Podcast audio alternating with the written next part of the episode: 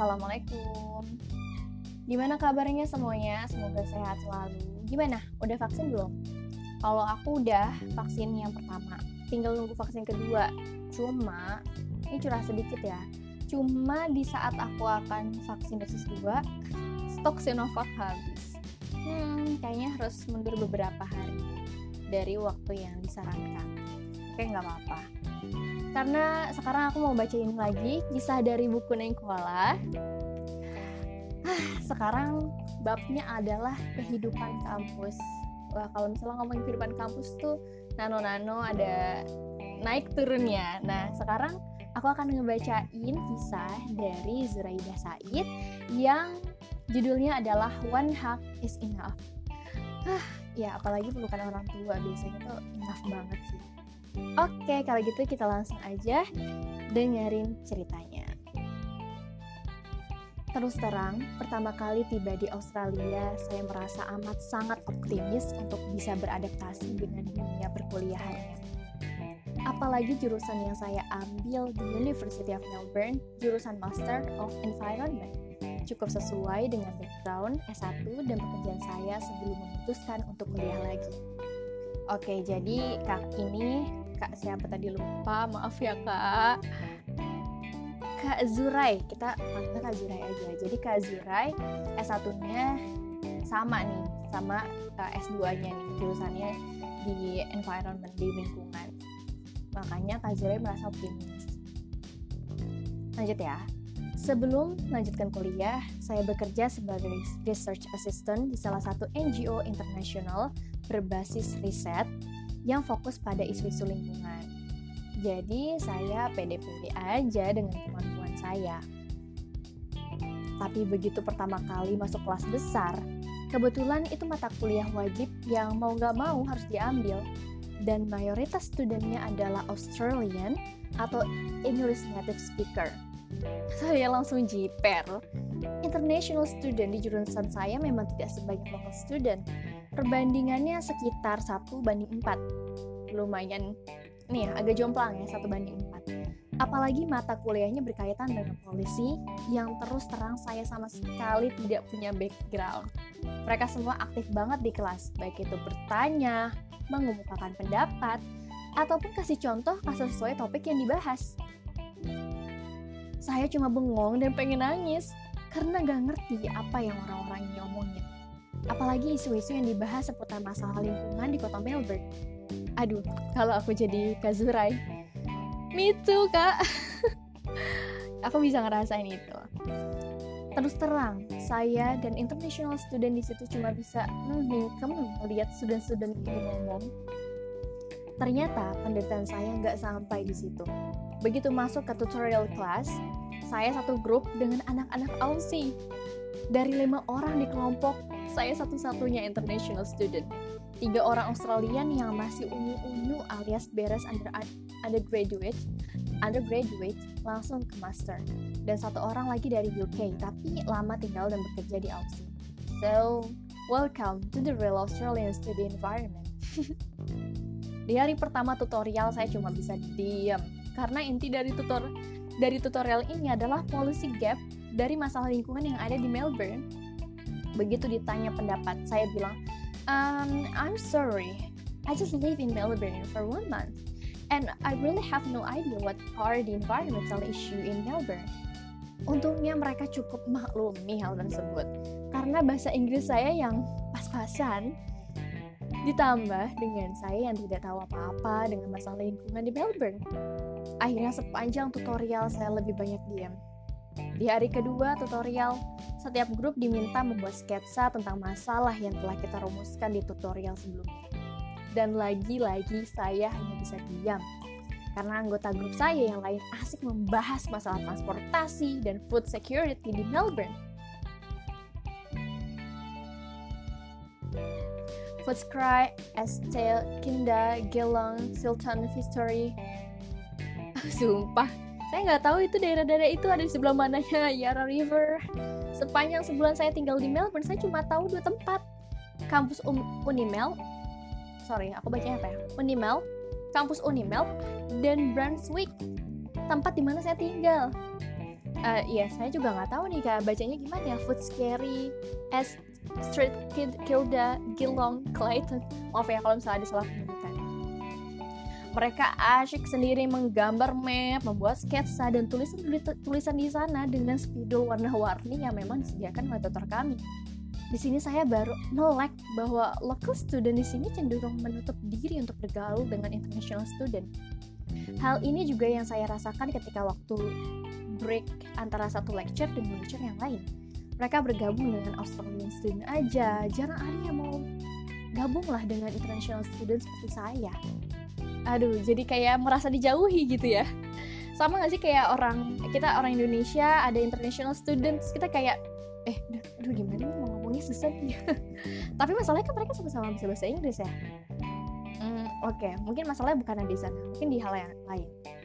Untungnya saya sempat ikut program EAP, Intent IAP, sorry, Intensive Academic Program. Jadi banyak kenal dengan penerima Australia World Scholarship atau AAS lain. Jadi masih punya teman yang bisa diajak ngobrol. Oh, di sini ada sedikit kutipan. Satu hal yang saya anggap sangat baik dari Aussie student adalah maaf sebentar ya. Oke. Okay. Satu hal yang saya anggap sangat baik dari Aussie student adalah mereka sangat menghargai pendapat orang lain walaupun pendapat itu sebenarnya nggak penting, kurang kuat argumennya atau disampaikan dengan bahasa Inggris yang terbata-bata. Mereka tetap menyimak dengan sungguh-sungguh sampai orang yang menyampaikan tersebut selesai menyampaikan pendapatnya. Untuk attitude, yang satu ini saya benar-benar acung jempol. Ih, aku juga dong, terasa keren banget karena biasanya kalau di Indonesia, kalau ada temen yang pendapatnya agak sedikit menyimpang, aneh, tidak tidak apa ya tidak sesuai dengan jalur kita akan mengeritkan dahi dan tutup kuping.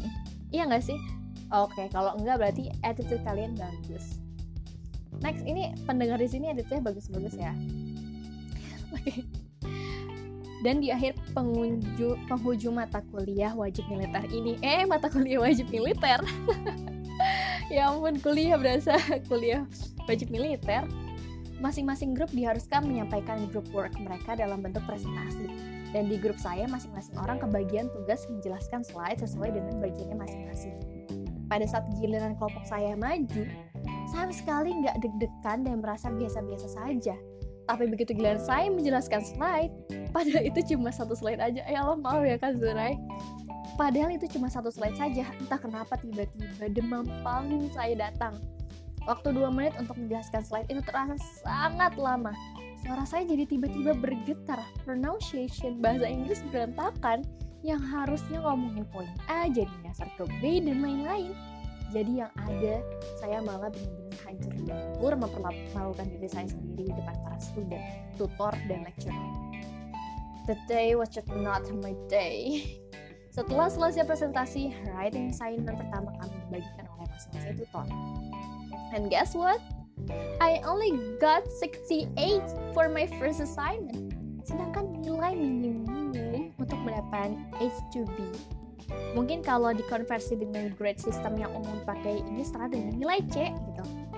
Di mana nilai saya berarti aman. Ini nilai amannya sebenarnya 70 gitu. Oh god, kata kakaknya. Saat itu saya benar-benar pengen pulang nangis mewek ataupun telepon orang rumah di Indonesia. Saya udah bener-bener ngerjain tugas itu dengan sepenuh hati saya tapi cuma dapat nilai 68 apalagi tutor saya terkenal orang yang baik dalam memberi nilai. Tapi tetap saya cuma dapat 68 gimana guys? Kalau kalian dapat nilai 68 sedih nggak? Aku sedih sih kalau dapat nilai 68 nilai C loh itu. Apalagi pertama kali kuliah. Kalau misalnya di Indonesia uh, itu tuh kayak semester awal tuh dibilangnya adalah semester yang biasanya nilai-nilainya bagus. Oke lanjut ya.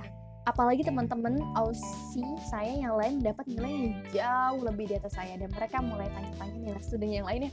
Aduh, aduh, aduh kalau misalnya udah mulai nanya-nanya nilai ini adalah hal yang sensitif seharusnya ya. Waktu ditanya soal nilai saya cuma bisa bilang dengan lemas, um, what I got is is not enough. Tapi di saat saya pengen nangis gitu, tiba-tiba teman saya Naziman dari Pakistan berkata dengan berkata dengan baik hati, it's okay for you to get unstated field mark because you don't have any background in policy. Policy is just not your thing. But me, I have been working with policy thing for years. So why only so why I only get 60, 76? Shame on me. Katanya gitu. Saya hanya bisa senyum lemes dengar kata-kata dia. oh iya iya. Kak iya, iya. I can feel it. Uh, bisa ngerasain gimana ya? gue loh ya udah bertahun-tahun nih ya di polis di polisi di kebijakan tapi nilai gue tuh 76 gitu lu 68 lu gak punya background apa-apa nilai lu 68 gue 76 ya agak sedikit lega tapi nggak lega-lega banget dan waktu pulang saya ketemu dengan Joshua mahasiswa penerima Australian Development Scholars student from PNG Papua eh all PNG oh, sorry Papua New Guinea. Dan dia dengan sumringah bilang kalau nilainya 79 wow yang berarti nilainya dekat dengan H1 H1 itu diibaratkan dengan uh, lebih dari 8 atau A ya kalau di wah keren banget. Lalu begitu lihat mukanya saya yang lemes tadinya. Eh gimana sih? Lalu begitu lihat mukanya saya yang lemes dia tanya berapa nilai saya? Gitu kan. Terus dijawab it's not good. You know what? It's just not my day. Bad presentation, bad mark. Lalu dia senyum sambil setengah ketawa dia bilang, not good. Don't worry, it's only 15% of the total mark. I'm sure you will get better mark in the next assignment. Katanya, the next assignment. Katanya sambil meluk saya dari samping dan nempuk-nempuk bahu saya. Ini meluk ya dari samping, terus nempuk-nempuk bahu gitu. Awalnya saya sempat kaget gitu dipeluk tiba-tiba. But then I realized that I need a hug. I need a hug. Perasaan saya yang lagi sedih cukup terobati dengan kata-kata penyemangat Joe. Satu pelukan dan kata-kata baik dari sahabat yang tulus menghibur kita saat sedih memang obat yang sangat berjarak buat melupakan kesedihan kita. Thanks Josh and Nazima for making me feel better. Uh, oh wow, wow ya. Yeah. Jadi ini adalah apa ya perjuangan-perjuangan yang dihadapi masa kuliah nggak paham sama sesuatu nilainya jelek ya udah kalau udah kayak gitu mah udah gitu kita ngerasa ini pelajarannya aduh nggak suka sama pelajaran itu udah makin-makin kan ya. Udah nggak suka nilainya jelek eh terus nggak ada teman misalnya gitu aduh pasti sedih banget. Nah datanglah satu pertolongan gitu ya dari temen untuk menyemangat itu emang jadi obat yang mujarab sih. Pernah nggak ya aku kayak gitu? Entah uh, tapi uh, kalau misalnya sesama mahasiswa di Indonesia kita biasanya saling menyemangati satu sama lain.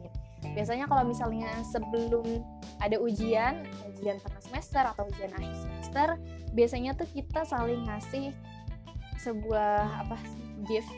Apa ya namanya? Aku lupa. Iya pokoknya ngasih-ngasih sesuatu yang ada tulisan uh, semangat ya kayak gitu-gitu. Iya sama sih. Um, jadi mungkin cerita hari ini itu aja. Next kita mungkin masih akan membicarakan masalah tentang kehidupan kampus terutama di Aussie yang masih ada di buku Nekuala jadi makasih buat semuanya yang sudah mendengarkan. Semoga kalian sehat selalu dan mungkin kalian butuh pelukan juga. Oke okay, wassalamualaikum warahmatullahi wabarakatuh